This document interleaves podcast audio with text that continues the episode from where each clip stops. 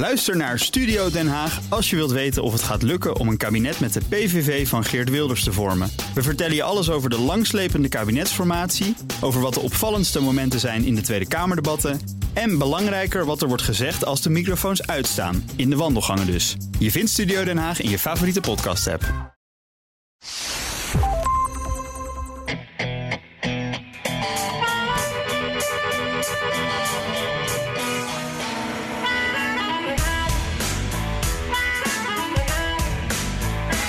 Joe Biden sprak dit weekend zijn overwinningsspeech uit. Hij heeft die 270 kiesmannen binnen en Trump kan hem niet meer inhalen. The people of this nation have spoken. They've delivered us a clear victory, a convincing victory, a victory for we the people. We've won with the most votes ever cast on a presidential ticket in the history of the nation. 74 million. Maar president Trump pijnst er nog steeds niet over zijn verlies te erkennen. Joe Biden is ondertussen gewoon begonnen met de transition, het voorbereiden op de machtsoverdracht, met als hoogste prioriteit de aanpak van de coronacrisis. Dit is aflevering 50 van de Amerika-podcast. Mijn naam is Jan Posma vanuit Washington aan de keukentafel, natuurlijk met een verse beker koffie. En ik moet zeggen, die heb ik ook wel nodig, want uh, uh, dit zijn uh, drukke en heel interessante weken en daardoor hebben we ook heel veel te vertellen. En ik ben Bernard Hammelburg aan mijn bureautje in New York met uitzicht op een beslist wat vrolijker stad. En op leesbrilafstand van ook zo'n volle mok koffie. Jan. Lekker. Jan, ja, hebben we nodig. Na de afgelopen week, marathonweek, dachten we eventjes rustig aan. Maar nee hoor. Nee, nee, het gaat natuurlijk uh, gewoon door. Dat wisten we ook wel. Maar het is toch wel, als je er dan in zit, uh, dan verrast het me toch ook alweer hoor. Want uh, we wisten dat na die, die uitslag de strijd natuurlijk gewoon door zou gaan. Nou, dat gebeurt nu. En ik moet zeggen, als je kijkt naar die ontlading hier in Washington DC, in ieder geval bij het Witte Huis. waar echt mensen nog dagen hebben gestaan te dansen en, en te vieren. hier werd wel echt flink nage, nagenoten. ook met bijvoorbeeld cupcakes voor van van Kamala Harris die te koop waren. Uh, de borden voor de kroegen zijn wat aangepast. Er was er eentje die had uh, nog nul jaar te gaan. Vier het met een drankje. En dan moet je je voorstellen, daar stond steeds wat anders. Ze waren aan het aftellen naar die verkiezingsdag. dus er is feest. Maar ik merk ook wel een zekere spanning toch nog steeds wel. Dat mensen toch nog wel een beetje denken van... en dat gevoel wordt misschien ook wel wat sterker zelfs. ja, wanneer hebben we nou echt een soort van closure? Het moment dat, dat we echt verder kunnen met ons leven. Hoe is dat bij jou, Bernhard? Ja, nou ja, het is precies zo hoor. Hier, hier, veel vreugde, veel opluchting ook. Dat al die spanning een beetje weg is. Hoewel, dat is hij natuurlijk niet echt. En dat voelen mensen ook. Um, verschillende reacties. Ik zag, ik, vanmorgen moest ik uh, eventjes downtown. En daar zag ik een winkelier heel optimistisch die planken van zijn etalages halen. Ja. En toen dacht ik, jij bent een optimist. Want volgens mij is het gevaar dat er iets uit de hand loopt, nog steeds niet helemaal geweken. Maar goed, dat is dan mijn cynisme misschien. Ik vond het toch leuk. En aan de andere kant sprak net voor deze opname met een uh, goede vriendin van ons. Die is advocaat van Spaanse afkomst, maar die rekent zichzelf echt als Latino. Actief in de Democratische Partij, zeer actief in de Democratische Partij. En die zei iets heel verstandigs. Die zei heerlijk dat Joe Biden heeft gewonnen, maar ik heb geen vreugdedans gemaakt. Want ik heb echt goed gekeken naar wat er verder gebeurt. En eigenlijk is wat je ziet in het congres toch een beetje een bloedbad voor de Democraten. Ook wat je ziet in lokale. Uh, uh, huizen van afgevaardigden en senaten in de staten. Daar is het helemaal niet zo mooi gelopen. En ze zei ook, ja, 71 miljoen stemmers voor Trump, dat is toch bijna net zoveel als 74 miljoen voor Biden. Dus ik kan niet zeggen dat ik loop te dansen van vreugde. Dus dat soort overwegingen, terecht lijkt mij, ja. die hoor ik ook. Ja, zeker. Want eigenlijk je kan dus zeggen dat, dat Trumpisme, dat is zeker niet afgewezen. Dat, dat, dat enthousiasme is er nog steeds uh, in het, uh, voor de congresverkiezingen, lokale verkiezingen op allerlei plekken. Uh, Trump heeft meer stemmen dan de vorige keer. dat Trumpisme is er gewoon nog. Zo is het. En uh, sterker nog, Trump heeft net als Biden trouwens meer stemmen getrokken dan enige kandidaat uit de Amerikaanse geschiedenis. Het zijn, ze hebben allebei een record gebroken. Mm -hmm, ja. En samen dus helemaal een record. De opkomst was ook in totaal iets van 67 procent. Wat in Amerika echt extreem hoog is. Dus dat is dan ook wel weer een schouderklop voor de democratie, hoor. Eerlijk gezegd. Ja, ja, ja. Maar toch, Iets positiefs ja. is er ook. Ja, ja, ja. Nou ja, we, we, beginnen, we hebben het al meteen over Trump. Dit is wel, wel sneu eigenlijk. Hè? Dat, dan win je de verkiezingen als Joe Biden. Dan ben je nog steeds niet het eerste onderwerp. Maar dan moeten we toch wel eerst maar even over Trump beginnen. Ehm, hij weigert nog steeds zijn verlies eh, te erkennen. Ehm, een leger aan volgelingen is al aan een felle campagne begonnen. Dat zie je op Fox News, dat zie je op social media. Eh, voor, komend weekend staat er een grote mars gepland in Washington van, van Trump-volgelingen. eh, die, die, ja, die willen protesteren tegen deze uitslag.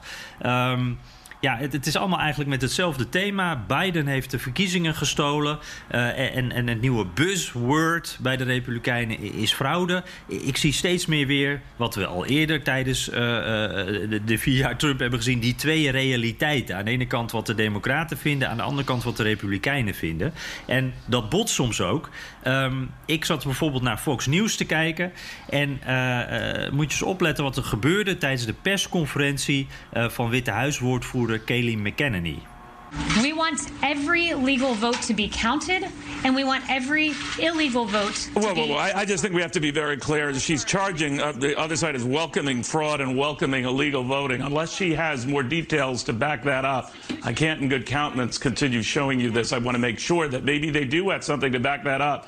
But that's an explosive charge to make that the other side is effectively rigging and cheating. Ja, dus Bernard, op dit moment zei zelfs Fox News even van... wacht, eh, d- d- dit kan niet zo, dit kunnen we niet zo laten horen. Er is gewoon geen onderbouwing bij al deze claims van fraude. En eh, ja, er komt nu overheen. Minister Barr die zegt nu zelfs... doe onderzoek naar substantiële beschuldigingen van stemfraude. Dus ook het ministerie van Justitie wordt hier eh, erin betrokken. Ja. Eh, en hij heeft eh, aanklagers speciale opdracht gekregen om ehm, die zaak in te zetten. Eerst, Jan, moeten wij de vraag stellen die we altijd stellen in deze podcast. Zolang wij praten ook over, als ik het zo mag zeggen, het verschijnsel Trump, heeft hij een punt. Want, eh, zoals Team Trump zegt, er is in Michigan, er zijn 14.000 stemmen uitgebracht door doden. Ehm, en ja, dan. eh, En natuurlijk zijn die stemmen dan voor, voor Biden. Nou zeggen een heleboel eh, mensen ter plaatse. Ja, maar dat is helemaal niet waar. Of het zijn er niet zoveel. Maar toch, dan kan ik me voorstellen dat je zegt dat een onderzoek gerechtvaardigd is. Sterker nog, Hillary had eh, in een van die staten, misschien ook Michigan, dat weet ik niet meer. eh, vier jaar geleden heeft hij ook een hertelling geëist. En dat heeft er overigens een, een, een, een schampere 200 stemmen opgeleverd, dus niks. Maar goed, ik, ik, mijn idee is, ja, dat, dat idee van fraude, dat is veel te hard aangezet. Maar heeft Trump een punt? Nou, ik, ik vind inderdaad wel, eh, als het gaat om dingen die verkeerd zijn gegaan, heeft hij zeker een punt. Ik, het is alleen maar in een democratie wil je precies weten hoe het gegaan is. Dus ik zou ook zeggen, inderdaad, eh, als er dode mensen hebben gestemd, dan moet je dat onderzoeken. Dan wil je weten hoe dat zit. Je wil weten wat er verkeerd is gegaan. Ook omdat je natuurlijk wil leren voor de volgende keer. En dat Amerikaanse systeem, het, eh, voor mij als, als buitenstaander, als Nederlander, komt het toch, blijft het een beetje rommelig. Zo zonder burgerlijke stand, eh, bevolkingsregister. eh, eh, daardoor ja, zijn er dingen mogelijk die in Nederland niet mogelijk zouden zijn. Maar wat, wat natuurlijk zo, zo gevaarlijk hierbij is, eh, wat jij ook al aangeeft, grootschalige verkiezingsfraude en gestolen verkiezingen, zoals Trump zegt en zoals het hele team inmiddels zegt, ja, daar zijn toch geen aanwijzingen voor. En, en dat is wel heel gevaarlijk, want je, ziet nu dat, ja, dat, die boodschap die, die blijft maar herhaald worden. En ja, wa- wat, maar is het waar, weet je wel? We hebben uiteindelijk nog steeds heel duidelijk, nog steeds niet duidelijk bewijs daarvoor gezien. Dus dat, dat, dat vind ik wel echt een, eh, eh, een probleem. Maar ja, goed, uiteindelijk is het natuurlijk ook eh, de vechtersbaas Trump. Die, dat hebben we al eerder gezegd, de, de, een beetje de, de regels oprekt. Of in ieder geval de grenzen opzoekt. om, om gewoon alles er maar aan te doen. Alles eruit te halen om te winnen. Dat, dat opgeven zit niet in zijn DNA. Nee. dat zit niet in zijn DNA. Eh, dat heeft hij ook van tevoren, dat herinner je je nog wel, in interviews een paar keer gezegd. Misschien herinner je je nog het interview met Chris Wallace voor Fox News, waarin hem de vraag wordt gesteld: geef je nou toe of ga je door de knieën als je verliest? En toen dacht hij even na, zei hij nee. Nee, dat doe ik niet. Dus, dus hij had het zich al voorgenomen, ook, ook als er geen controverse was over de vraag of, of het allemaal wel eerlijk is toegegaan. Uh, dus zelfs dan zou hij niet wat dan heet uh, zo'n concession doen. Hè? Openlijk zeggen: Ik heb verloren en ik feliciteer de winnaar. Wat in Amerika gebruikelijk is, maar overigens geen wet. Het hoeft ook helemaal niet. Als hij bij wijze van spreken nooit meer iets van zich laat horen tegenover Biden, dan is dat ook goed. Het hoeft niet. Maar het, het heeft wel iets tragisch ook. Ook gewoon voor de voortzetting van de democratie. Want in het Amerikaanse denken en in de traditie en ook in de wet over hoe overdrachten gaat, gaan we direct nog wel even verder op in. Ja, worden, worden wel eisen gesteld. En hij zegt gewoon: het is niet alleen allemaal een leugen, maar ik onttrek me ook aan de wettelijke eisen die er zijn, want uh, ik heb gewonnen. En die Biden helemaal niet. Ja, dat is wel heel vervelend. Ja, ja, dat is zacht uitgedrukt. Hij doet weer iets wat, nog nooit iemand, of nou ja, ik denk dan in de uh, moderne toekomst, of in de moderne geschiedenis niemand eerder heeft gedaan. Uh, hij, ja, hij zoekt weer de grenzen op. Ik, ik wil het ook nog wel even met je hebben over dat PR-offensief van Trump. Hè? Want we hebben dus, je zou kunnen zeggen, een juridische werkelijkheid. Tot nu toe uh, hebben de rechters Trump nog niet ongelooflijk gelijk gegeven met al die zaken die hij heeft aangespannen. En juridische experts zeggen ook van, nou ja, wij achten de kans niet groot dat dit wat oplevert. Uh, maar je hebt ook de PR-kant, zeg maar, de publieke opinie.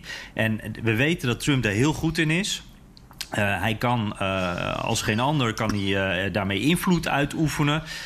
We, zien zijn tweets. Ik krijg ook meerdere bedelmails per dag voor geld van de Trump-campagne. Dus die krijgen al die supporters die staan ingeschreven. Hij wil weer campagne-rallies gaan houden. Hè. Hij wil het land in. En, en, dat gaat natuurlijk wel allemaal nieuws opleveren. Want dat gaan we allemaal weer volgen natuurlijk. Allemaal om die publieke opinie te beïnvloeden. En ja, daarmee zweept hij denk ik zijn eigen achterban op. Zet hij ook bijvoorbeeld misschien wel republikeinse gouverneurs onder druk. Misschien zet hij daar wel rechters mee onder druk. Ik, ik zag bijvoorbeeld een peiling dat uh, 70% van de republikeinen nu uh, uh, ja, niet gelooft dat de verkiezingen eerlijk zijn verlopen. Um, en dat was voor de verkiezingen nog maar 35 procent. Dus van 35 naar 70 procent. Uh, dan denk ik van, die, die, die, hier gaan we naar een soort, nou ja, ik zeg maar even naar een soort kookpunt toe. Trump hitst de boel op. Um, ik, ik, ik, weet dat het uiteindelijk niet aan uh, het volk is om dit te beslissen. Het gaat om de rechters die dat gaan doen. Maar toch maak ik me daar wel zorgen om. Hoe kijk jij daarnaar? Nee, ik maak me er ook zorgen om, omdat het vooral uh, de sfeer zo verziekt. Um, en dat zie je in de samenleving, maar dat zie je ook in de politieke verhoudingen. En er zijn allerlei dingen die echt haast hebben. Zoals bijvoorbeeld een nieuw steunpakket voor het bedrijfsleven eh, voor de coronacrisis en allerlei andere dingen. Er moet aan de, aan de begroting worden gewerkt. Dat gaat gewoon allemaal door, want Trump is nog steeds president. En het oude congres zit nog. Dat ligt dan allemaal stil. En dat komt allemaal in de ban um, hiervan. Um, aan de andere kant, kijk, er zijn een paar deadlines. Eentje is uh, 14 december. Dan moeten de, de kiesmannen besluiten uh, voor wie ze steunen. Ze mogen niet langer dan die datum daarover doen. Dan moeten zij een beslissing nemen. En uiterlijk op 6 december moeten ze de, hun keuze ook officieel bekendmaken. Dus dat is nog wel een tijdje. Uh, in, in het gunstigste, ongunstigste geval zijn we zo drie weken verder. Maar... Ik zit even te denken hoor, want ze moeten dus 14 december moeten ze stemmen, en, maar dan is het 6 januari. Ja, sorry, 6 januari. Ik ja, verspreek. Ja, okay, 6, ja, ja, 6, januari moeten ze uiteindelijk een keuzeweg uh, bekendmaken. Dat is, nog wel een, dat is nog wel een tijd. En het is heel vervelend, praktisch, met de machtsoverdracht. Maar het kan. En uh, mm -hmm. uiteindelijk komt dat dan wel goed. Maar dat denk ik, en dat is mijn grote vrees. Dan zul je, net als met de Birthers, weet je wel. Die groep waar Trump ook een aanvoerder van was.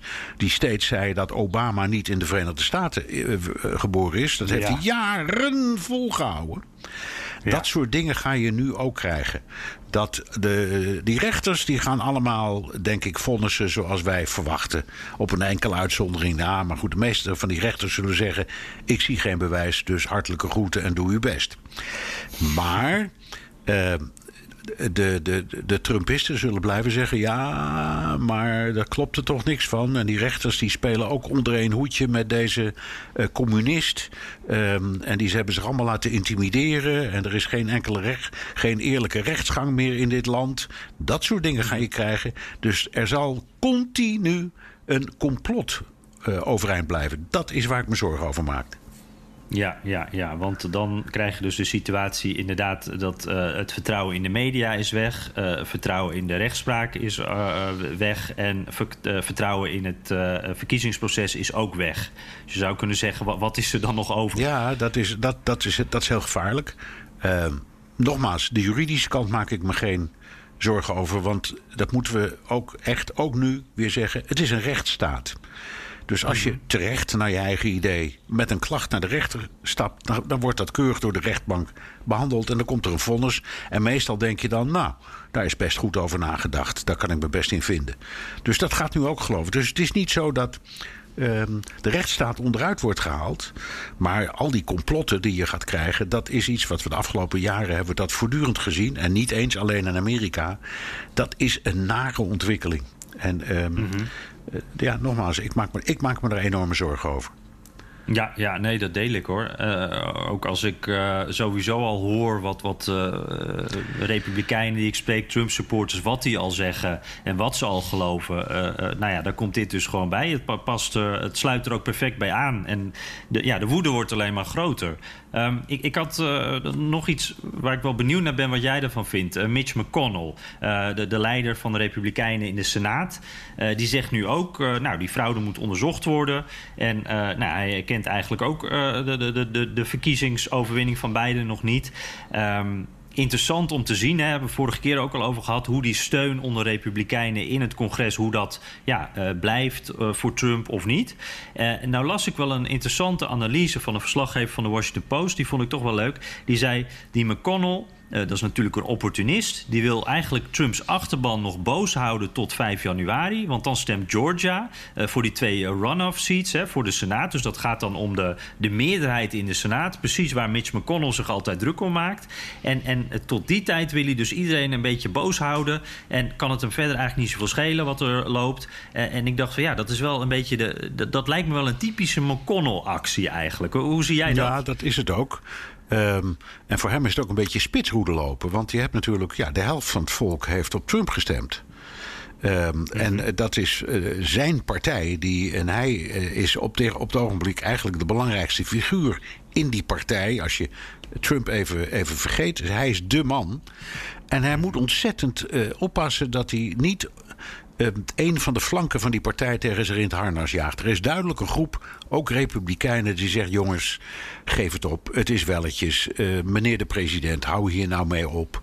Uh, en uh, die, die, die, die steunen als het ware, dat ik wil niet zeggen dat ze Biden steunen, maar die zeggen ja, Biden heeft gewoon gewonnen, dus hou mee op. Daar moet McConnell op de een of andere manier rekening mee houden. Dus als je let op zijn formulering, die, die, die is ongeveer al dus iedere iedere kandidaat heeft recht om een onderzoek in te laten stellen als hij denkt dat er on, onrechtmatigheden hebben. Uh, plaatsgevonden. Dus waar maakt iedereen zich zo druk op? En die, om, en die democraten die zijn ook een beetje hypocriet. Want andersom doen ze hetzelfde of zouden ze ook hetzelfde doen. Geeft dat een beetje de tijd. Uh, dus die stelt zich op achter de president. Maar als je naar zijn woorden kijkt, eigenlijk niet helemaal. Hij zegt, Heel diplomatiek. Hij zegt de procedure, daar heeft Trump gelijk in. Hij zegt niet noodzakelijkerwijs dat Trump gelijk heeft. En dus mm-hmm. in zijn eigen partij is iedereen dan tevreden. De Trumpisten zeggen, hè, hè, gelukkig, de leider van de partij op dit moment... die stelt zich keurig, zoals het hoort, op achter de president. En de anderen, die zeggen, ja, maar deze slag hebben we echt even verloren, jongens. Die denkt, nou, dat hoor ik nu ook. Dus ik denk dat hij heel diplomatiek en heel slim is. Het is een geslepen eh, politicus, zo slim als een vos, jarenlang lid van het huis, jarenlang senator. Je kan merken dat hij een senior is. Dus ik vind dit allemaal eerlijk gezegd niet zo onhandig van hem aangepakt hoor. Mm Nee, het klinkt juist wel slim. Wat ik ook wel grappig vond, uh, McConnell die, die erkende ook uh, wel de uitslag uh, in het congres. De, zeg maar de, de, de plekken waar de Republikeinen het goed hadden gedaan, daar, daar zei hij van, nou ja, mooi, hè, deze uitslag hebben we. Maar bij de presidentsverkiezingen dus niet. Dus er loopt bij hem ook een, een scheiding tussen de presidentsverkiezingen, waar dan mogelijk fraude heeft plaatsgevonden. En waar hij in ieder geval nog even op de rem trapt als het gaat om erkennen. maar de uitslagen die hem wel goed uitkomen, die erkent hij wel. Ja, maar dit is dit is ook weer heel pragmatisch om het zo te zeggen. Want in het huis heeft de Republikeinse Partij een behoorlijke deuk geslagen in de democratische meerderheid. Maar uiteindelijk niet het hele huis gewonnen. Ehm, dus ja, hij kan heel makkelijk die uitslag erkennen. Ehm, want de, de, het is niet zonder slag of stoot gegaan. En die van de president, ja, formeel is de, de, de president alleen maar uitgeroepen tot president. Of tot president-elect door de media. Maar nog, niet, maar nog niet door de kiescommissie. Dat moet nog gebeuren.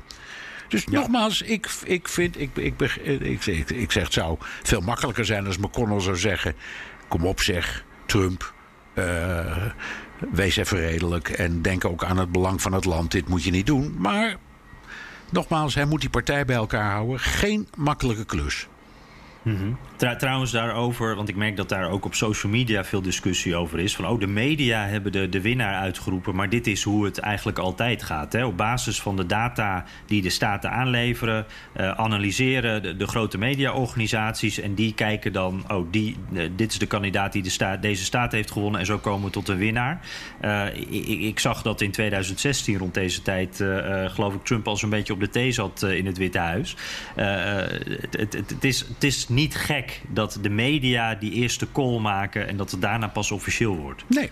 En zo, er is ook niks op tegen, want die, die systemen die worden gebruikt, die worden erkend door iedereen, voor- en tegenstanders, als uh, uh, heel goed doordacht. Het zijn prachtige wiskundige en, en statistische modellen die, die, die, die vrijwel altijd uitkomen. Maar denk erop, maar er zijn goede voorbeelden. Denk aan Bush tegen Gore in 2000 toen het niet mhm. uitkwam en alle media ook moesten terugkomen op hun eerdere uh, uh, telling. Maar ook een hele beroemde moment in, in de verkiezingen van, van Truman. In, wat was het? Dewey defeats ja, Truman. Ja, was het was de krant ja, toch? precies. Dat was in 19... 48, denk ik. Toen, ja, zoiets. Ja. toen Dewey, dat was dan de Republikeinse kandidaat, uh, net zo'n situatie, die lag voor, dachten de media. Dus er was een grote krantenkop. Dewey die fiets uh, uh, Truman, precies zoals jij zegt. En daar stond de volgende dag Truman lachend mee in de hand op de foto. ja. want het was natuurlijk ook een heel komisch moment. Maar je moet natuurlijk altijd uitkijken. En iemand die laten we zeggen, orthodox redeneert in deze kwestie en zegt: het is pas waar als het echt waar is, ja, die heeft formeel gelijk. Het is niet anders. Mhm. Ja, ja, ja, ja. Jan, er gaan ook ehm, allerlei. Uh, verhalen rond dat Trump het allemaal best snapt. En dat hij weet dat hij kansloos is en hij heeft verloren. En al is begonnen met een campagne voor herverkiezing in 2024. Ja, en dat, uh, nou ja, als ik, dat, als ik zo'n berichtje lees, dan, uh, uh, dan ga ik eventjes extra dicht bij het scherm zitten. Want dat zijn natuurlijk van die berichten dat, dat je weer denkt van, oh ja, dit is Donald Trump. Die doet weer iets wat, ja, wat niemand, bijna niemand voor hem voor heeft eerder heeft gedaan. Hij zegt, hij zou dus in zijn uh, ja, binnenste kring zeg maar, van vertrouwelingen zou hij het er al uh, vaker over hebben gehad. Dat uh, mocht het dit jaar niet lukken, dat hij dan gewoon stand-by staat voor 2024. En dat komt er dan eigenlijk op neer natuurlijk dat die hele campagne die, dat die nooit gaat stoppen. Dat we dan de komende vier jaar ook Trump boven de markt hebben hangen. Die natuurlijk overal commentaar op gaat leveren en overal te zien zal zijn. en nou ja, het, het, het, klinkt helemaal niet zo gek in de oren. Ik zie het hem wel doen doen eigenlijk. Uh, hij zou dan wel 78 zijn. Uh, nou ja, op dit moment heeft hij nog alle energie. Dus uh, ik ben wel benieuwd. En daarbij wordt dan ook wel weer spannend. Hè? Van, nou ja, wat, wat vinden de partijbonzen? Wat vindt zijn partij daarvan? Want er staan natuurlijk ook allerlei mensen te trappelen in, in, de, in de coulissen op dit moment. En, om het over te nemen. En eerlijk is eerlijk, ze hebben binnen die Republikeinse partij best veel talent. Jongere mensen.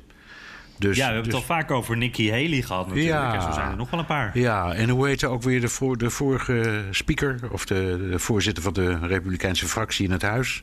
Ehm, die is op een bepaald moment uit het huis gestapt... maar staat ook nog steeds eh, op, eh, in, in de reservebank eh, klaar. Is ook een, een jonge, leuke man... die volgens mij heel goed kan scoren. En zo hebben ze er een heleboel. Ze hebben behoorlijk wat, wat talent. Ehm, maar goed, het kan. Ehm, de grondwet eh, die zegt dat een, eh, iemand kan twee termijnen dienen. Maar er staat nergens in die grondwet dat die aaneengesloten moeten zijn. En er is één president, dat was eh, Glover Cleveland. Die in eh, 1822 en 1824 eh, president werd. En een heel eh, grappig verhaal eigenlijk, want in, eh, in, de, in de periode daartussen, toen, toen, eh, toen Harrison, Benjamin Harrison president werd, toen eh, verloor die. eh, in de tweede, bij de tweede keer dat Cleveland meedeed, eigenlijk in net zo'n situatie als met Hillary, had, had hij de meerderheid in de popular vote, maar had te weinig kiesmannen.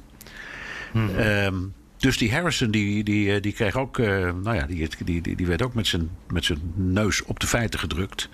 Maar het kan. En, ehm, en als hij het zou doen, ja, dan is hij de tweede in de geschiedenis. Maar er is eigenlijk niks, niks op tegen. Ik bedoel, grondwettelijk kan het. En als de partij zegt, doet u maar.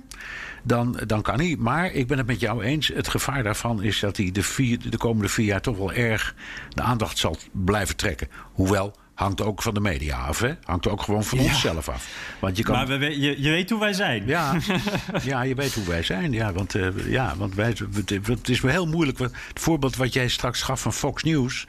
Iemand die boos is en zegt, die zegt dat is censuur. Hè, iemand Ja. die, die de president midden in een betoog wegsnijdt, weghaalt. Ja, dat is, dat is censuur. Of, of de, hoe heet het, de woordvoerder van de president, eh, dat is censuur. Wie zijn wij om, om, om dat soort dingen te doen? Het blijft heel moeilijk. Maar goed, we zullen zien. En met Bernard, nog even over Cleveland, hè, want jij bent er ingedoken. Ik, ik geloof trouwens, eh, het, het is 1885 in ieder geval, eh, dat, dat- rond die tijd was het. Eh, maar weet jij of er in die periode daartussen was daar nog gedoe over? Want hij was dan de eerste die het zo heeft aangepakt. Iets nieuws. Werden mensen daar nog een beetje onrustig van? Of was dat eigenlijk heel gewoon en accepteerde iedereen dat? Nou, het- allebei. Er was dus een enorme discussie over natuurlijk. Want het was ook toen nooit eerder vertoond. En het land bestond al eh, een jaartje of honderd. ja. Dus ze hadden Ze dachten, we hebben alles wel meegemaakt. alles al maar meegemaakt. nee dus. En in, in het begin had je nog geen partijen, dus dat was ook krankzinnig. Dan was het meestal zo dat de winnaar won. En de verliezer werd nummer twee. Dus in die constructie was Biden nu president geworden en Trump vicepresident. In, het begin, Ja. in het begin van de Verenigde Staten van Amerika werkte het zo. Dat hebben ze pas later veranderd. Ja, er was dus veel gedoe over. Maar eh, uiteindelijk zeiden ook toen alle rechtsgeleerden... ja, daar is niks op tegen. En hij heeft gewonnen. Het was bovendien heel spannend... want alles was in die tijd republikeins. En republikeins was in die tijd vooruitstrevend. En die Cleveland was een democraat. Eh, dus die, die fietste ook dwars door de cultuur van die tijd heen. Dus het was een hele interessante periode. Wat grappig. Op een bepaalde manier een beetje ook een Trump die de, eh, met een ander eh, idee eh, er- erin stapte. Ja. Dus. Ja, en een, ja. ja. precies. Een, ja. Maar hij was geen outsider. Hij had wel een enorme politieke carrière achter de rug. Maar inderdaad. Hey eh, Bernard, over politieke carrières en geen outsider gesproken. Er heeft hier iemand de, de 270 kiesmannen behaald, verkiezingen gewonnen. En toch hebben we het amper nog over hem gehad. Joe Biden. Het- het- dit lijkt dus de campagne all over again. We, we hebben het alleen maar over Trump en hem vergeten we bijna. Ja, maar dat is ook wel. Dat is ook zo gek niet. Omdat ehm, er, nou ja, zoveel gedoe is. En er komen nog heel. Er zijn heel veel eh, echt bizarre complicaties die, die we nooit zien. Hè? Eh, een, een- een paar eh, voorbeelden. Je hebt iets dat heet de Presidential Transaction Act, Transition Act. Eh, die voorziet in die overgangsperiode. En daarvoor wordt dan ehm, ruim voor de verkiezingen een speciale eh, commissie, de General Services Administration, die, die wordt geïnstalleerd. Die, die zit daar dus al een half jaar. En die moet. En die zijn ook al aan het werk, hè? die zijn al lang bezig. Die zijn al heel lang bezig. Maar eh, die hebben de, de, de, het hoofd daarvan is benoemd door Trump. En die zegt: nou, Ik wacht even rustig af. Ik weet nog niet of ik uh, mijn diensten wel aan meneer Biden moet aanbieden op dit moment. Uh, en die uh, hebben, zitten bovendien ook op het geld. Want die voorzien in. Zo'n over, overdracht kost heel veel geld. Daar wordt geloof ik iets van 10 miljoen, bijna 10 miljoen euro, dollar voor gereserveerd. En die heeft zo'n nieuwe president keihard nodig.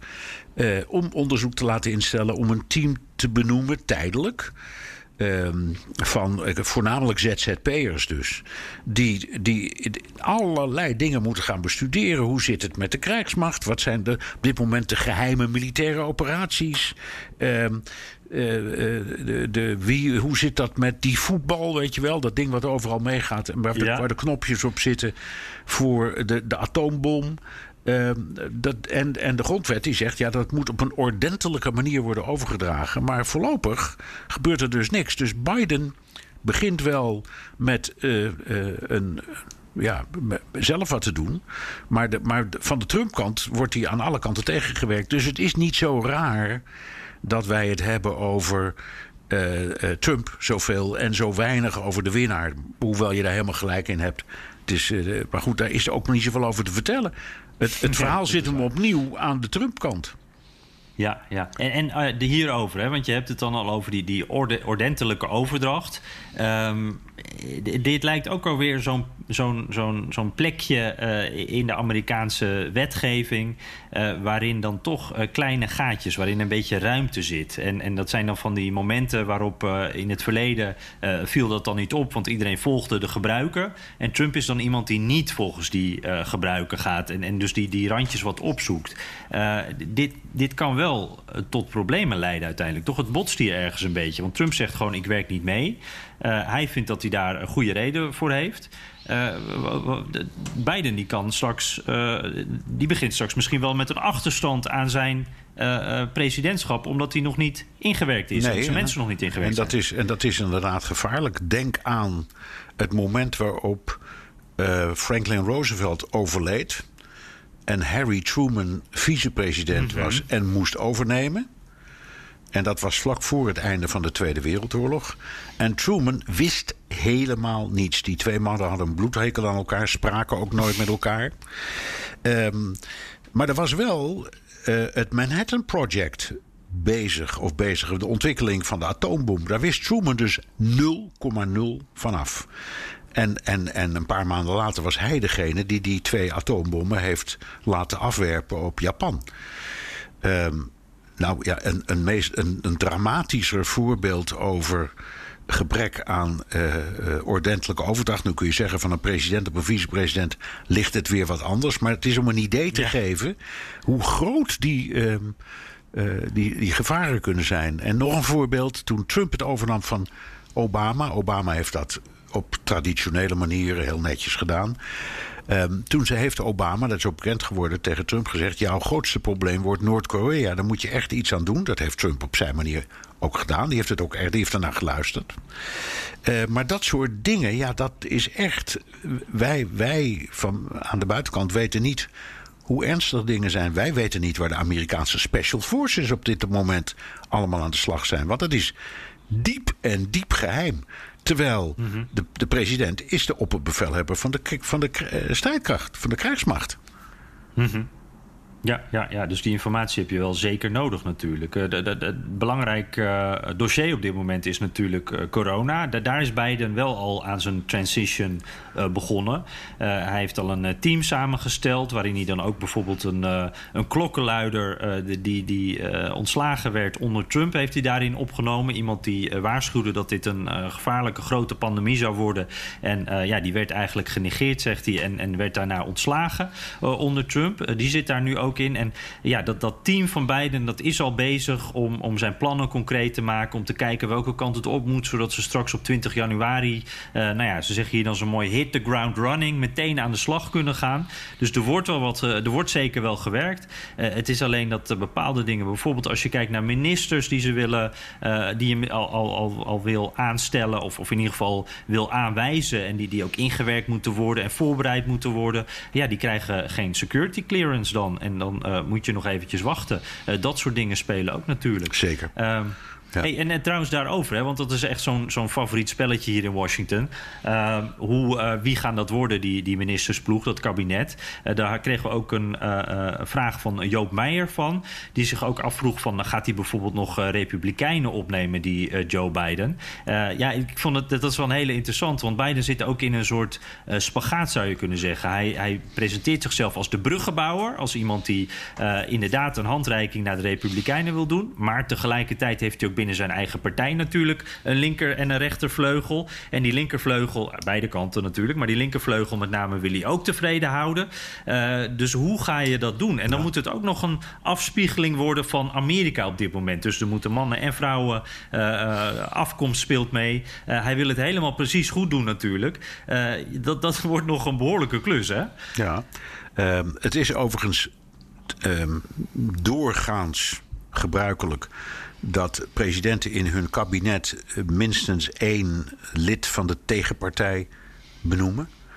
Um, en dat kunnen, soms is dat alleen maar uh, een soort symboolfunctie. Um, zoals, ik noem maar wat, uh, um, VN-ambassadeur of zo. Dat, dat maakt niet zo heel veel uit. Maar ik, uh, bijvoorbeeld in, wat was het? Ik geloof het kabinet Clinton. Daar was William Cohen de minister van Defensie. En dat was toen echt een hele belangrijke functie. En dat was een republikein, een republikeinse senator. En die heeft ook al die jaren, acht jaar lang meen ik... Um, of in afval vier, één termijn zeker, heeft hij gediend. Um, dus dat, dat, die dingen die, um, die gebeuren, en meestal doen ze dat. En ik kan me voorstellen dat Biden in elk geval een poging doet... om op zijn minst één prominente republikein uh, te, uh, aan, te, aan te zoeken. Alleen, ja, hij moet natuurlijk. Als, als die komt van de groep die sowieso wat vriendelijker staat tegenover over Democraten, wat minder agressief is, dan kom je al gauw in senatoren. Uh, of politici of congresleden terecht. die bij de Senaat, de meerderheid van de Senaat, niet goed liggen. Dat zijn ook republikeinen. Dus het wordt nog een heel ingewikkeld spel om dat te doen. Maar als hij handig is, ik hoop dat dat gebeurt, dan zijn dat nou precies dingen die hij gaat bespreken met uh, McConnell, de, de, ja, de leider precies. van de Republikeinen in de Senaat. Want die heeft hij nodig. Hè? Uh, ook omdat we nog Absoluut. niet weten wat precies de verhoudingen in de Senaat gaan zijn. De Senaat die moet die ministers gaan goedkeuren. Ja. Dus McConnell, die, uh, dan moet hij bij op de koffie. Elke voordracht die de president doet, dat kunnen ambassadeurs zijn, dat kunnen federale rechters zijn, het kunnen ministers zijn, het kunnen andere hoogfunctionarissen zijn. Uh, die worden, moeten allemaal worden goedgekeurd uh, door de Senaat. Dus dat die, voor, die benoemt formeel met een paar uitzonderingen. Dus bijvoorbeeld de Nationaal Veiligheidsadviseur valt daarbuiten. En zo zijn er nog wat persoonlijke adviseurs die hoeven dan niet. Maar de rest moet allemaal door de Senaat. Dus hij moet dat handig spelen. Hm. Ja, moeten we eens eventjes uh, naar jouw uh, favoriete dossier kijken, Bernard. Het buitenland. Hoe, hoe wordt er op, in het buitenland gereageerd op, op de verkiezingen? Um, ja, uh, we hebben. Uh, in, er zijn het meest interessante vond ik Boris Johnson eigenlijk. Die reageerde die... met de snelheid van het geluid. Met ja, precies. Dat was een van de eerste. Bij wijze van spreken, CNN had nog niet gezegd: het is uh, het, het woord Biden. Of, of er kwam een reactie van Boris Johnson. Dat was een hele interessante. Uh, omdat hij zei, ja, uh, wij hebben natuurlijk een toprelatie en die gaan we ook voor, voortzetten. Uh, Johnson had gegokt op Trump. Dat is, dat, dat is, dat is bekend. En mm -hmm. um, uh, die had daarom op Trump gegokt, omdat hij hoopte dat er dan heel snel een handelsverdrag zou kunnen komen tussen de Verenigde Staten en het Verenigd Koninkrijk. Dus dat was helemaal niet. Trump ook beloofd, hè? Was ook beloofd, was ook beloofd. Was ook niet zo'n gekke redenering. Uh, Biden heeft uh, in elk geval volgens de Observer, be beroemde Britse zondagsblad, laten doorschemeren dat hij eigenlijk in die hele Brexit-affaire anders zit en dat hij liever gaat proberen om TTIP nieuw leven in te blazen. Dus een handelsverdrag met de Europese Unie. Wat eerlijk gezegd veel verstandiger is, want het is natuurlijk een veel groter blok. En dat Verenigd Koninkrijk stelt vergeleken daarbij helemaal niks voor. En Johnson ziet dat. Dus hij denkt: wacht even, even iets aardigs zeggen tegen deze man. um, want ook die kan nog steeds een handelsverdrag sluiten met het Verenigd Koninkrijk. Los van dat TTIP. Dat mag dan gewoon als het Verenigd Koninkrijk geen lid meer is. Nou ja, en dan had je uh, Bibi Netanyahu, de premier van Israël, die ook onmiddellijk reageerde en heel slim. Want het is natuurlijk een persoonlijk maatje van uh, Trump. Uh, nou ja, wat hebben die allemaal niet samen opgetrokken, bedacht, voorbereid? Denk aan die, die Abraham-akkoorden die net zijn gesloten. Dat was toch echt wel mm -hmm. een prachtige prestatie. Maar, en die denkt, nou, ik ben mijn maatje kwijt. Dus die zegt, wat heerlijk dat Biden president uh, wordt. Want die ken ik eigenlijk al altijd. Hè, die man als, als senator en als vicepresident. En daar kan ik het voortreffelijk mee vinden. En die man die, uh, die is een hele trouwe vriend van de staat Israël. Dus die kwam meteen met een hele. Ik vond dat buitengewoon slim dat hij dat deed. Net als van Johnson. En, dan, en de gekste. Ja, wat was er zo slim aan? Nou ja, omdat hij natuurlijk denkt. Zijn hele zijn hele beleid is, is rust op de overtuiging van uh, Trump. Namelijk dat Israël uh, in de verhouding met uh, de Palestijnen een groter recht heeft. Dus bijvoorbeeld uh, ja, tot annexatie van bepaalde delen zou kunnen overgaan. De erkenning van de Golan-hoogvlakte als, als Israëlisch bezit, wat altijd omstreden is geweest. de verplaatsing van de ambassade van Tel Aviv naar Jeruzalem, dat zijn allemaal typisch van die Trump-dingen. En hij wil, uh, en Netanyahu wil natuurlijk dat A, Biden daar niet op terugkomt. En B, dat hij de, de route blijft inslaan die ze nu volgen. Met het, het, het, het zoeken van eenheid tussen een groot aantal Arabische landen en de Verenigde Staten en Israël. Met als inzet het onder druk zetten van Iran. Uh, en dat is nog de vraag of Biden die kant op wil. Maar goed, dat is een hele interessante.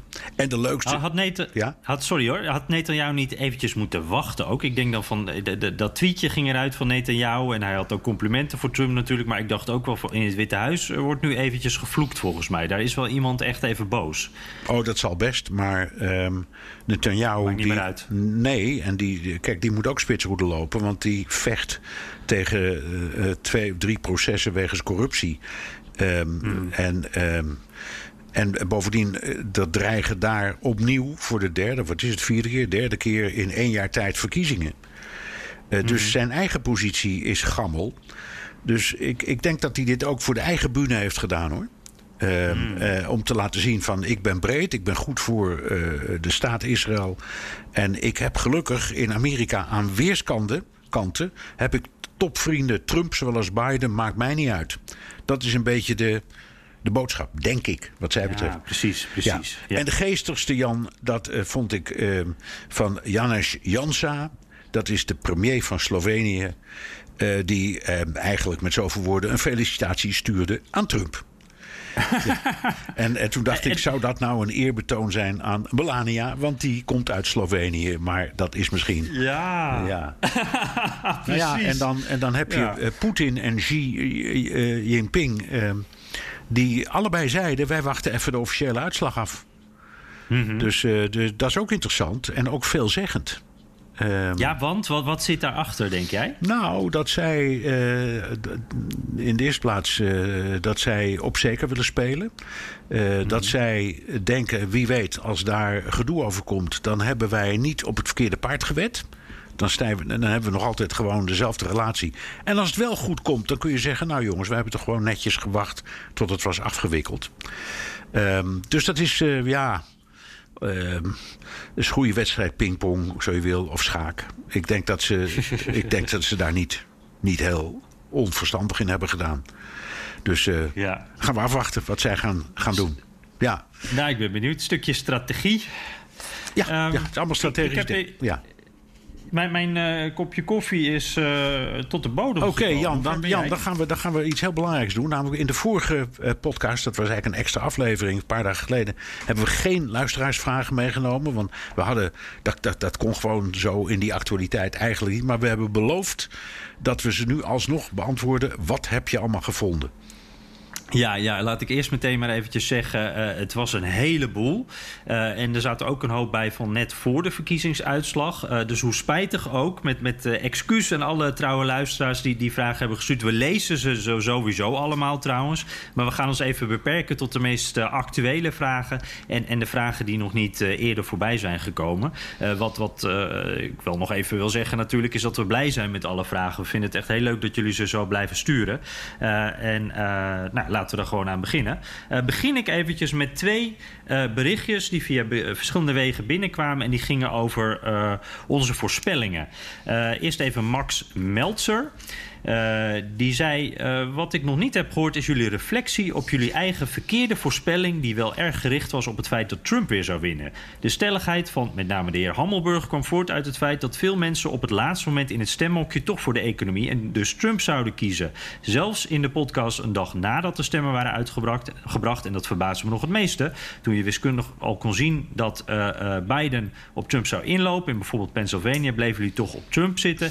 Ik denk dat jullie mis zaten in de mate van walging die de Amerikanen ook hebben van de huidige president. Nou, vat ik het even zo kort samen. Ja. Wat, uh, hoe kijk jij daar tegenaan? In de, eerste plaats, in de eerste plaats heeft hij volkomen gelijk. Vooral ik, moet ik zeggen, heb het voortdurend verkeerd voorspeld.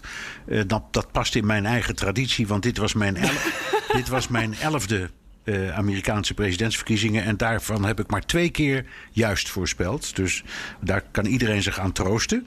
Uh, Weet je nog wie je, wie je goed had? Ja, ik had, Trump, ik had Trump goed. En ik, oh, had, en ik had destijds uh, Bush 2 goed tegen Gore. Oké. Ja, ik wist natuurlijk ook niet dat er een heel proces zou worden gevoerd. Maar uiteindelijk had ik uh, goed voorspeld. Um, en er waren toen ook allerlei redenen voor. Nu ook. Uh, en het is zo, inderdaad is het waar dat. Um, ik steeds dacht, het, als het, uiteindelijk komt het neer op um, een stemming over de economie. Als je goed hmm. kijkt naar de cijfers, is toch corona een doorslaggevender factor geweest dan de economie, denk ik. Dus dat was ook onze onzekerheid. Maar mm -hmm. ik dacht steeds, Ehm, dat de, de kiezer die het allemaal niet zo precies volgt, dacht: ja, die schreeuwlelijk kan mij toch beter redden dan die keurige heer uit Delaware. Hè? Daar kwam het ongeveer op neer. Ehm, ik zeg ook blij, uh, ik heb heel veel. Uh, uh, weddenschappen gesloten. Niet, nooit op mijn eigen verzoek, maar altijd met anderen die zeiden wedden.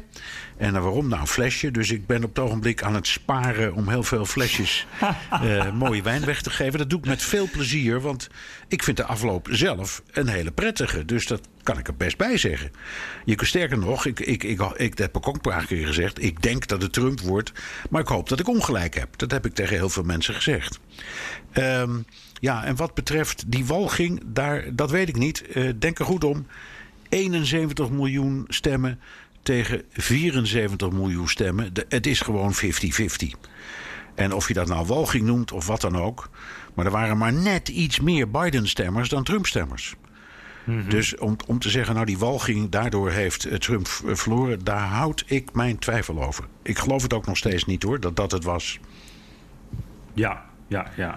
Hey, ik heb uh, nog iemand. Uh, ik, ja, het staat aan elkaar. Dus ik weet niet of het mannen Seisma of, of mannen IJsma. Of nou, in ieder geval, uh, die, die, die zei een beetje hetzelfde. Die zei wat vreemd. Uitstekende podcast. Maar ik heb steeds vreemd gevonden dat jullie hebben laten verleiden tot het doen van voorspellingen. En Trump zou steeds uiteindelijk winnaar worden. om dan nu jezelf of elkaar te feliciteren met de uitstekende prognose. Vind ik een beetje schaamteloos. daar wil ik nog wel even op reageren. ja, weet je wat het ook is? die voorspellingen, het zijn ook maar voorspellingen. Het is als met voetbal. Uh, uiteindelijk uh, weet je het natuurlijk nooit. wat voor mij in ieder geval het, het belangrijkste was in die voorspelling. ik probeer het hierbij niet goed te praten hoor. Want ik dacht inderdaad dat Trump met een, een klein verschil zou winnen. Nou, het werd Biden met een, een, klein verschil. ik heb altijd het gevoel gehad, naast de, de, euforie die er langer tijd was over Biden en de voorsprong die hij had. Met name door dat verhaal van die, dat gemiddelde van die landelijke peiling. Dat hij eerst 10% en daarna 8% voor stond.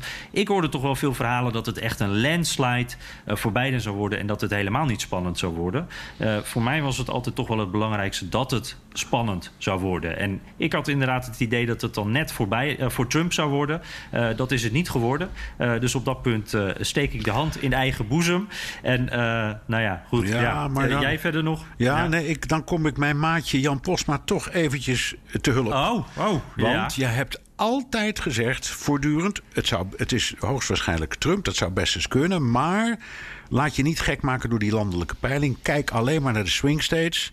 En daar liggen ze, ik zal maar zeggen, statistisch...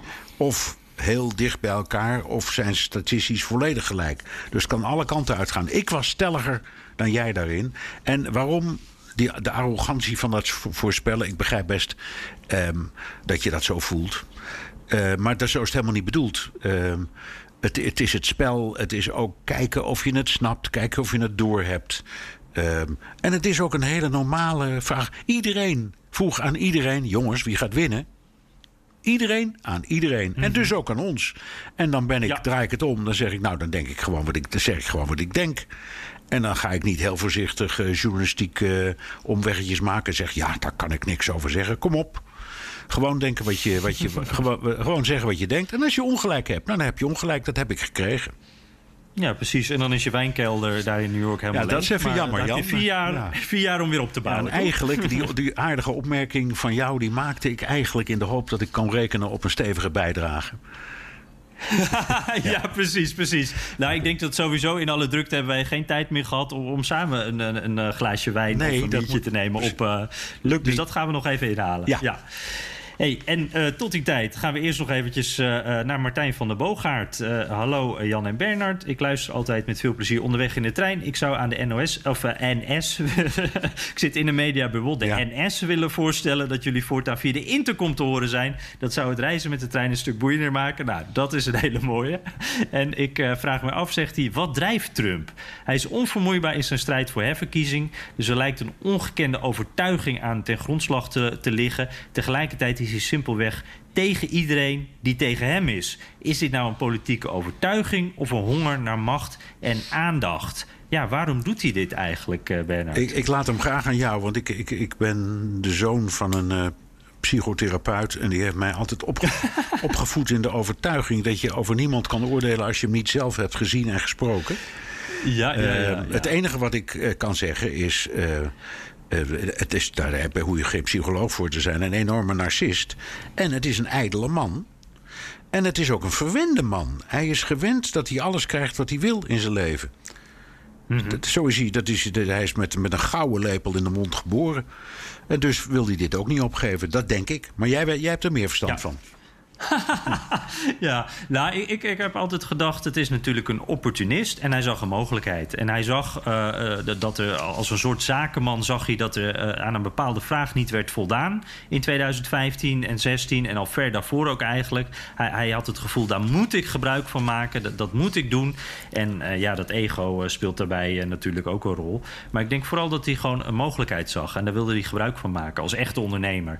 En, ja, en daarbij, we hebben ook gezien, hè, hij houdt van campagne voeren. Dus dat, eh, eh, daarom stopt hij daar ook nooit meer mee, geloof ik. Nee. En, en eerlijk is eerlijk, hij houdt ook van het gevecht. Ja, precies. En dat is, Ja, dat is, ja. in het Amerikaanse systeem is dat een goede eigenschap. Ja, zeker. Dat heb je nodig. Dat blijkt wel, ja. Ehm, ja, Terke Zelstra. En dat is voor mij een eh, bekende naam. Eh, een bekende uit de Hudde Griep, waar mijn ouders ook wonen. Buurman Terke, zo ken ik hem. Hij, eh, ik leg even uit. Hij werkte bij de Leeuwarden Krant. En nam mij ooit als middelbare scholier mee... om een dagje mee te lopen op de redactie van de Leeuwarden Krant. En nou ja, Bernard, je hebt, je hebt dat gemerkt. Hij heeft me geïnspireerd. Anders had ik hier niet gezeten op dit moment. Ja. Ja, ja, ja, zeker. Dus die, die heb ik al een tijdje niet meer gezien. Want eh, Nederland eh eh, kwam er voorlopig nog even niet in. Of anders Amerika eh, niet meer terug. Dat is eigenlijk het probleem. Maar hij stuurt een heel aardig mailtje met daarin ook een vraag. Ik heb nog wel een opmerking over een eerdere uitzending. Het ging over de vraag wat we kunnen leren van de Amerikanen als het om verkiezingen gaat. Jullie spraken over de betrokkenheid en de inzet van mensen in die campagne. Het lijkt mij dat je het niet zo betrokken kunt noemen als slechts iets meer dan de helft van de Amerikanen gaat stemmen. Nou, het is, je zei al net, het is dit jaar dan een uitzondering, maar het is inderdaad altijd een, een laag percentage. Als in de grootste democratie ter wereld bijna de helft niet meedoet, dan kan je toch nauwelijks volhouden dat de democratie daar goed werkt. Ehm, er is een heleboel over te zeggen, maar ik, ik probeer een paar korte dingetjes. In de eerste plaats, dat is waar. Voor zover het landelijke politiek betreft, zijn heel veel mensen gewoon niet geïnteresseerd. Ook in, hier in New York hebben wij de afgelopen tijd heel veel mensen gesproken die zeiden: Het zal mij een zorg zijn wie de president wordt. Echt waar. Dat gebeurt. Maar de lokale politiek interesseert ze vaak wel. Wie hun senator wordt, of hun congressman, of de lokale senaat en het huis, dat interesseert ze enorm. Wie de gouverneur wordt, interesseert ze enorm. Dus dat, dat is één kant. In de tweede plaats, daar hebben we het al zo vaak over gehad. Je hebt geen burgerlijke standen en bevolkingsregisters. Dus je krijgt ook niet vanzelf een stembiljet thuisgestuurd. Daar moet je moeite voor doen. Dat remt. Ehm, en dan die inzet van de mensen gaat niet zozeer om wie er opkomt. Want er zijn heel veel mensen die uiteindelijk gewoon niet willen, niet kunnen of zich te laat hebben ingeschreven of gaan ze maar door. Uh, met die inzet hebben we het over mensen die echt uh, als vrijwilliger langs de deuren gaan. Ik ken hier in New York uh, een paar vrouwen die niet in New York langs de deuren gaan, want dat heeft geen zin. Daar staat de uitslag toch al vast. Maar die gewoon in North en South Carolina en in, in Michigan en in weet ik wat voor staten ver weg. onder deze moeilijke corona-omstandigheden langs de deuren zijn gegaan met uh, flyers en met uh, aanmoedigende praatjes. En met uh, verleidelijke teksten en ga zo maar door. En dat mm -hmm. is hier heel sterk. En wat jij zo vaak beschrijft, beschrijft als je rondreist, de vlaggetjes die je ziet. Um, de hoedjes, uh, de bordjes. Uh, dat, ja, dat zie je, de, de, wanneer zie je bij ons nou nog een verkiezingsbord bij iemand in de tuin staan? ja, ja, ja. Of, of zo'n ja. zo'n poster achter het raam hangen. Dat komt bijna niet meer voor. En, iedereen, en hier doet, doen heel veel mensen dat. En dat vind ik een, mooi, een mooi onderdeel van de Amerikaanse samenleving. Dat is wel degelijk betrokkenheid. Ja, ja, precies. En, ik vind dat uh, wat het altijd wel duidelijk maakt, is ook wat in Nederland voelt het soms een beetje als uh, onverschilligheid. Uh, dat we in Nederland tegenwoordig al die grote borden hebben met alle plakaten van de partijen op, op een vaste plek ergens in het dorp of in de stad. maar die zijn dan al voorgeplakt.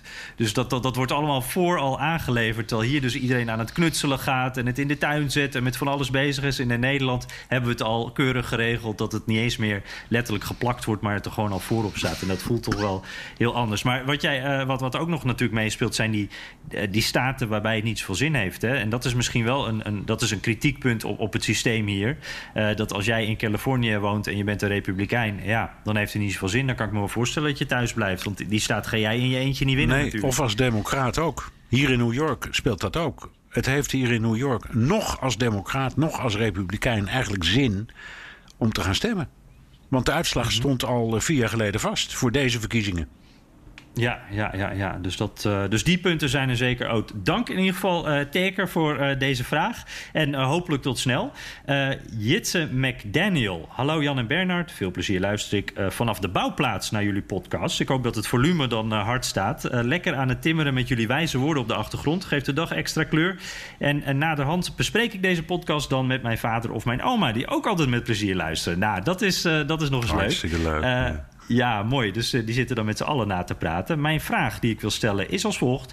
Als een USA citizen die woonachtig is in bijvoorbeeld Europa zijn stem uitbrengt, uh, per post waarschijnlijk, welke staat uh, geldt die stem dan voor? Oh, dat is wel een goede vraag. Ja, en, en is dat is... ook voor de Senaat bijvoorbeeld? Ja. En het, is, het antwoord is heel simpel. In de staat waar je jezelf inschrijft als kiezer. He, je moet je inschrijven als kiezer registreren als kiezer. En je kunt zelf kiezen in welke staat dat is, om wat voor reden dan ook. Ik heb hier vrienden in New York die zijn ingeschreven in de staat Massachusetts. En die stemmen dus ook. Hun stembiljet gaat dan ook naar Massachusetts. En dat geldt ook voor mensen die in het buitenland wonen. Dus zo hmm. simpel is het. Hey, en kan je dat dan ook uh, tactisch doen? Als, want ik zou bijvoorbeeld denken, uh, nou, uh, in noemen ze swing state, daar telt mijn stem zwaarder. Dat zou kunnen, maar je moet dan. Ja, maar goed, er is meestal wel iets als. Uh, zijn me, de meeste mensen die dat doen, is omdat ze daar vandaan komen of omdat ze daar hun studietijd hebben doorgebracht, omdat ze op de een of andere manier wortels hebben. Ze zeggen ja, ja ik, ik, ik heb in. Uh, in, in Michigan gestudeerd. Dus ik, uh, en ik woon nu in het buitenland, maar daar heb ik toch vijf jaar van mijn leven doorgebracht. Ik noem maar wat. Dus ik, ik, ik meld mij als kiezer. Ik schrijf mij in als kiezer in de staat Michigan. Dat kan. Ja. Maar zomaar ergens uit tactische overwegingen. Zal misschien ook gebeuren, ik weet het niet. Ja, Oké. Nou, in ieder geval uh, dank Jitse en, en de, de rest van de familie. Uh, David uh, Brouwer die zegt... ja, oh ja, dat is wel een leuke. Naar mijn mening is een duck president nog erger dan nog vier jaar Trump. Uh, ook al is Trump een verschrikkelijk slechte en lompe president die de USA geen goed doet. Maar een Biden die minstens twee jaar niks kan. Uh, even vanuitgaande dat die Senaat uh, in Republikeins voordeel blijft. dat lijkt me ook niks. Is een slechte leider misschien niet beter dan geen leider in dit geval? Dat zijn zeg, groeten van David uit een ijskoud Japan. Ja, daar moet het vreselijk koud zijn op het ogenblik. Leuk, leuk David. Um, Ja, eh, ja, je kunt zeggen dat dat heeft voor heel veel presidenten gegolden. Denk aan uh, Obama, die zes van de acht jaar heeft geregeerd met twee huizen die allebei republikeins waren. En Biden heeft nu het voordeel dat hij in elk geval één van de twee huizen heeft. En nu gaat het van zijn politieke uh, vakmanschap afhangen of hij op de een of andere manier uh, bruggen kan bouwen naar de Senaat. Als die constant gaat dwars liggen, ja, dan heeft hij een probleem. Het valt niet te ontkennen. En dan zal hij hetzelfde doen wat en Trump en Obama heeft gedaan. Namelijk heel veel regeren bij de kreet. Proberen om die huizen zoveel mogelijk te ontlopen. Ja, ja. En, en uh, uh, nee, lijkt mij wel duidelijk eigenlijk. Uh, Bart Huisman die zegt dan: Ik vraag me ineens af, wat treft Biden of zijn, zijn staff, zijn, werk, zijn team, zeg maar, straks aan in het Witte Huis? Ik heb ooit vernomen dat na de tumultueuze verkiezingen van George W. Bush alle letters W uit de toetsenborden waren gehaald. Dat kan ik me nog herinneren. geen idee of het waar is. Ja, volgens mij klopt dat. Maar hij zegt: Het is in ieder geval een mooi verhaal. nu lijkt Trump me nogal een rancuneus figuur. Kunnen we weer zo'n practical joke verwachten? me niets verbazen. En ik vind dat ook wel leuke dingen. En soms zijn ze ook wel grap. Ik, ik herinner me dat uh, Jimmy Carter, hebben we het al eerder over gehad. In de tijd van Jimmy Carter stonden er overal uh, frisdrankautomaten in het Witte Huis. En die waren allemaal van Coca-Cola. Jimmy Carter kwam uit. Georgia en Coca-Cola is gevestigd in Atlanta. Dus het is echt, ja. En op het moment dat, op, op, moment dat Ronald Reagan president werd, liet hij die allemaal vervangen door Pepsi-Cola-machines. ja, dat, dat soort dingen gebeuren. Dat kost, dat kost trouwens ook klauwen met geld. Maar goed, het is, dat soort dingen gebeuren. En ik hoop dat het gebeurt. En ik hoop ook dat, net als dit verhaal, het dan uitlekt. Want we willen het graag horen. Ja, precies. Dit zijn een beetje de dingen die het ook wat, uh, wat kleur geven. Hè?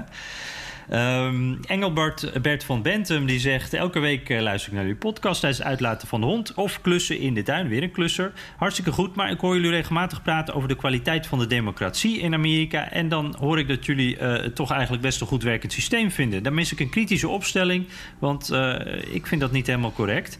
Uh, veel succes met jullie programma, want ik blijf toch wel luisteren hoor. Nou, ja. gelukkig Engelbert. Ja, dit is een punt waar we veel over horen. Is Amerika nog een democratie? En ik blijf volhouden dat dat zo is.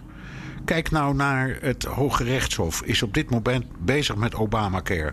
Trump heeft dat, dat hof helemaal volgepropt met, ik zal maar zeggen, extreemrechtse rechters. Ik zeg het eventjes uh, overdreven hoor, maar daar komt het op. In de hoop. Hier krijgen we mailtjes over, Bernard. Ja, wel, nee, maar is, ik, bedoel, ja. ik bedoel het niet serieus. Maar daar heeft echt. De, de Obamacare speelde in die benoemingen een rol. En wat gebeurt er nu? Mhm. Het ziet er naar uit dat het Hoge Rechtshof helemaal niet zo zich negatief over dat Obamacare opstelt. En ook niet dat het het gaat wegstrepen. Dus mm -hmm. dat, daarmee wil ik maar zeggen: die democratie in, in, in, in de belang, op de belangrijkste punten die functioneert. Er is een parlement. Dat parlement beslist. Dat parlement slaagt er elke keer weer in om ongeveer de allermoeilijkste klus te klaren die er is, namelijk het goedkeuren van de begroting in een land in, mm-hmm. in, in, een pandemie en met een enorme economische crisis. Daar vinden ze elkaar elke keer weer. Um, er zijn verkiezingen. Uh, er kunnen waarnemers bij. Um, dus ja, ik vind het een, uh, een goed werkend democratisch systeem. Het is bovendien de oudste democratie ter wereld. Vergeten we ook wel eens. Sommige mensen zeggen India, maar dat is niet echt waar, denk ik. De Verenigde Staten is een jong land. Oudste democratie ter wereld. Het kan wel tegen een stootje. maar Bernard, als we, als, uh, als we het eventjes anders stellen. Uh, als jij de demo het democratisch systeem, hoe dat, hoe dat nu hier is, hoe het nu werkt, vergelijkt met dat van vier of acht jaar geleden we zien toch wel dingen. Alleen al waar we het het afgelopen uur over gehad hebben, die verkiezingen die niet erkend worden, dat, dan heb ik toch niet het gevoel dat het nu uh, beter is gaan werken, dat systeem. Nee. Hoe zie jij dat? Nee, is het is beter of minder geworden? Nee, ja? minder, minder, minder. Het is, er is een enorme verharding en polarisatie en, en vilijne pesterijen over en weer, maar vooral door de Republikeinen, die, die, die spelen daarin, vind ik een hele bedenkelijke rol. Maar het gaat uiteindelijk om de afloop. En ik beloof je dat uiterlijk op 6 januari 2021 er gewoon een president van de Verenigde Staten wordt gekozen door het kiescollege. En ik beloof je dat dat Joe Biden wordt. Want daar, daar heeft het volk voor gestemd. Dus er, er wordt wel heel veel geprutteld en tegengewerkt, maar uiteindelijk komt het gewoon goed. Want zo hoort het in een democratie. Daar zet jij een uh, goede fles wijn op. Ja, als ik eh, denk, denk, denk jij van niet? Of, of, of, of, of. ehm, Ja. ja. ehm, of zullen we zeggen, kijken of Engelbert eh, in is voor een eh, wetje? Nou, E- Engelbert, eh, laat nog even van je horen. Eh, en ook dank voor deze vraag. Dan gaan we het hier nog eventjes eh, over hebben. De laatste dan voor, voor deze week in ieder geval. Want we moeten ook een keertje ophouden natuurlijk. Terwijl hier, ik weet niet of je dat hoort... maar er komen allemaal helikopters. helikopters komen hier over. Ik weet niet wat er aan de hand is. Ja. Ehm, terwijl het juist zou over de democratie even onder die keukentafel gaan zitten, Jan. ja, precies, precies. Wouter van der Sande, aan jou de eer van de, de laatste vraag van deze week. Hij luistert altijd in de auto, hoewel het in deze coronatijd lastig is om voldoende ritten te maken om de podcast en ook BNR De Wereld, eh, jouw eh, radioprogramma natuurlijk, Bernard, eh, te kunnen luisteren. Soms maak ik maar een omweggetje om voldoende luistertijd te hebben. nou, dan zit hij nu denk ik al ergens op een, op een weggetje, ergens ver weg van zijn huis. Als je op dit punt bent aangekomen, Wouter, dan, dan heb je al eventjes geluisterd. Hij vraagt, nu Trump ontslagen is door het volk, ben ik wel benieuwd wat er gaat gebeuren. Een hoop democraten en mogelijk zelfs republikeinen zal er toch alles aan gelegen zijn Trump niet nog eens eh, te laten gebeuren. Niet nog een Trump. Achter, achter jullie het waarschijnlijk dat men vanuit zowel democratische als republikeinse kant alles op alles zal zetten om hem te veroordelen. Een president mag immers geen strafblad hebben. Of wel? Ehm, nee, dat mag hij inderdaad niet, eh, als hij dat wil worden. Maar er spelen hier twee dingen. Er zijn eh, zaken die vallen onder de federaal toezicht. Bijvoorbeeld alles wat zich heeft voorgedaan in, in, in, in het Rusland-onderzoek. eh, alles wat zich voordoet in nou ja, allerlei kwesties waar Trump nu eh, in de problemen door is geraakt. Maar het geldt niet voor ehm, kwesties die spelen in staten. En het spannendste onderzoek dat loopt naar Trump is nog steeds hier in de, in de staat New York over zijn belastingen en eventuele belastingfraude. Die kwestie loopt, die loopt nu al een tijd. Eh, daar wordt de ene na de andere getuige in gehoord. Eh, en ik zie het hem daar nog behoorlijk moeilijk krijgen. En daar bestaat ook geen gratie voor. Want je zou je kunnen voorstellen dat Biden, als die eenmaal heeft gewonnen officieel en ga ze maar door, denkt: Weet je wat, ik geef Trump gratie. Dat zou niet de eerste keer in de geschiedenis zijn. Want dan ben ik daar in elk geval. Ford. Ja, Ford die heeft eh, niks een gratie gele- ge- gegeven. Dus dat komt wel meer voor. Zou kunnen. Maar dat gaat dan nooit over een kwestie die speelt in een van de staten. Kan alleen maar over federale misdrijven. Oké. Nou, eh, helemaal duidelijk. Eh, laten we bij deze, eh, Wouter, dank voor deze vraag. Vervent en trouw luisteraar, zegt hij nog, dat horen we graag. Laten we hem bij deze afklappen, Bernard, deze aflevering. Ja. Heb je nog recensies, Jan? Ja, zeker. Oh ja, daar had ik er eh, even kijken. Ik heb ze opgeduikeld. Eh, eh, vijf sterren van Selke79. Eh, ze zeggen vaak dat de stem van Bernard zo mooi is. Maar de stem van Jan mag er ook wezen. Nou, En ik zo, is, en zo is dat, vind ik ook. Ja. Fantastische inhoud, veel kennis. Ik kijk er elke week naar uit. Nou, dankjewel, Selke. Mohammed, de, de, de, de, de, de, dat is zijn gebruikersnaam. Ook vijf, vijf, vijf sterren. Een van, van mijn favoriete podcasts, zegt hij. Ik luister altijd met veel plezier. Zoals het er nu naar uitziet, lijkt Biden president te gaan worden. Maar dat de Republikeinen de meerderheid in de Senaat gaan houden. Geen blue wave zoals gehoopt. Eh, wat zijn de gevolgen voor het beleid van Biden? Oh ja, die had ik eigenlijk beter eventjes bij de vragen kunnen zetten. maar we- nog even kort, maar Bernard. Nou, ik zou zeggen, het is een mooie voorzet voor de volgende podcast. Vind je niet? Oh, dat is Want een het is echt een dan, hoor. eh, Wat voor beleid kunnen wij verwachten van Joe Biden? Vind ik een uitstekende vraag, Mohammed. En we pakken hem. Oké, Mooi. Terugluisteren kan via de BNR-site, Apple Podcast of Spotify. Heb je vragen, opmerkingen, kritiek of complimenten? Dan kan dat ook met een tweet naar Jan Posma USA of BNR De Wereld. Of, heel ouderwets, met een mailtje naar dewereld.bnr.nl. Ja, en laat ons dan ook nog steeds even weten hoe je naar ons luistert en waar. Ik, ik ben bijvoorbeeld nu heel benieuwd eh, naar dat eh, mailtje uit het koude Japan... of die persoon ook een, eh, een moestuin heeft. We horen het graag. en voor nu zeg ik dank voor het luisteren en tot volgende week.